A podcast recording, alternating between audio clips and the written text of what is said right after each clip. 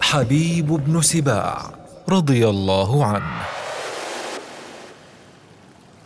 خرج رسول الله صلى الله عليه وسلم عام الحديبية يريد زيارة البيت لا يريد قتالا وساق الهدي معه سبعين بدنة وكان الناس سبعمائة رجل.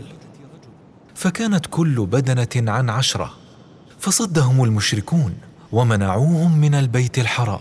ومنعوهم من البيت الحرام. فقال تعالى هم الذين كفروا وصدوكم عن المسجد الحرام والهدي معكوفا والهدي معكوفا أن يبلغ محله ولولا رجال مؤمنون ونساء مؤمنات لم تعلموهم أن تطؤوهم أن تطؤوهم فتصيبكم منهم معرة بغير علم. ليدخل الله في رحمته من يشاء.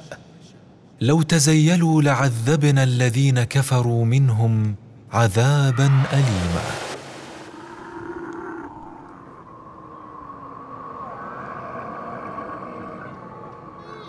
نزلت هذه الآيات في أبي جعفر حبيب بن سباع رضي الله عنه.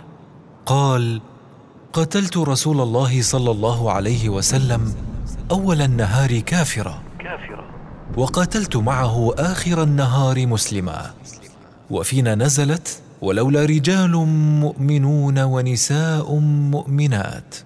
قال كنا تسعة نفر سبعة رجال وامرأتين. أعلام نزل فيهم قرآن.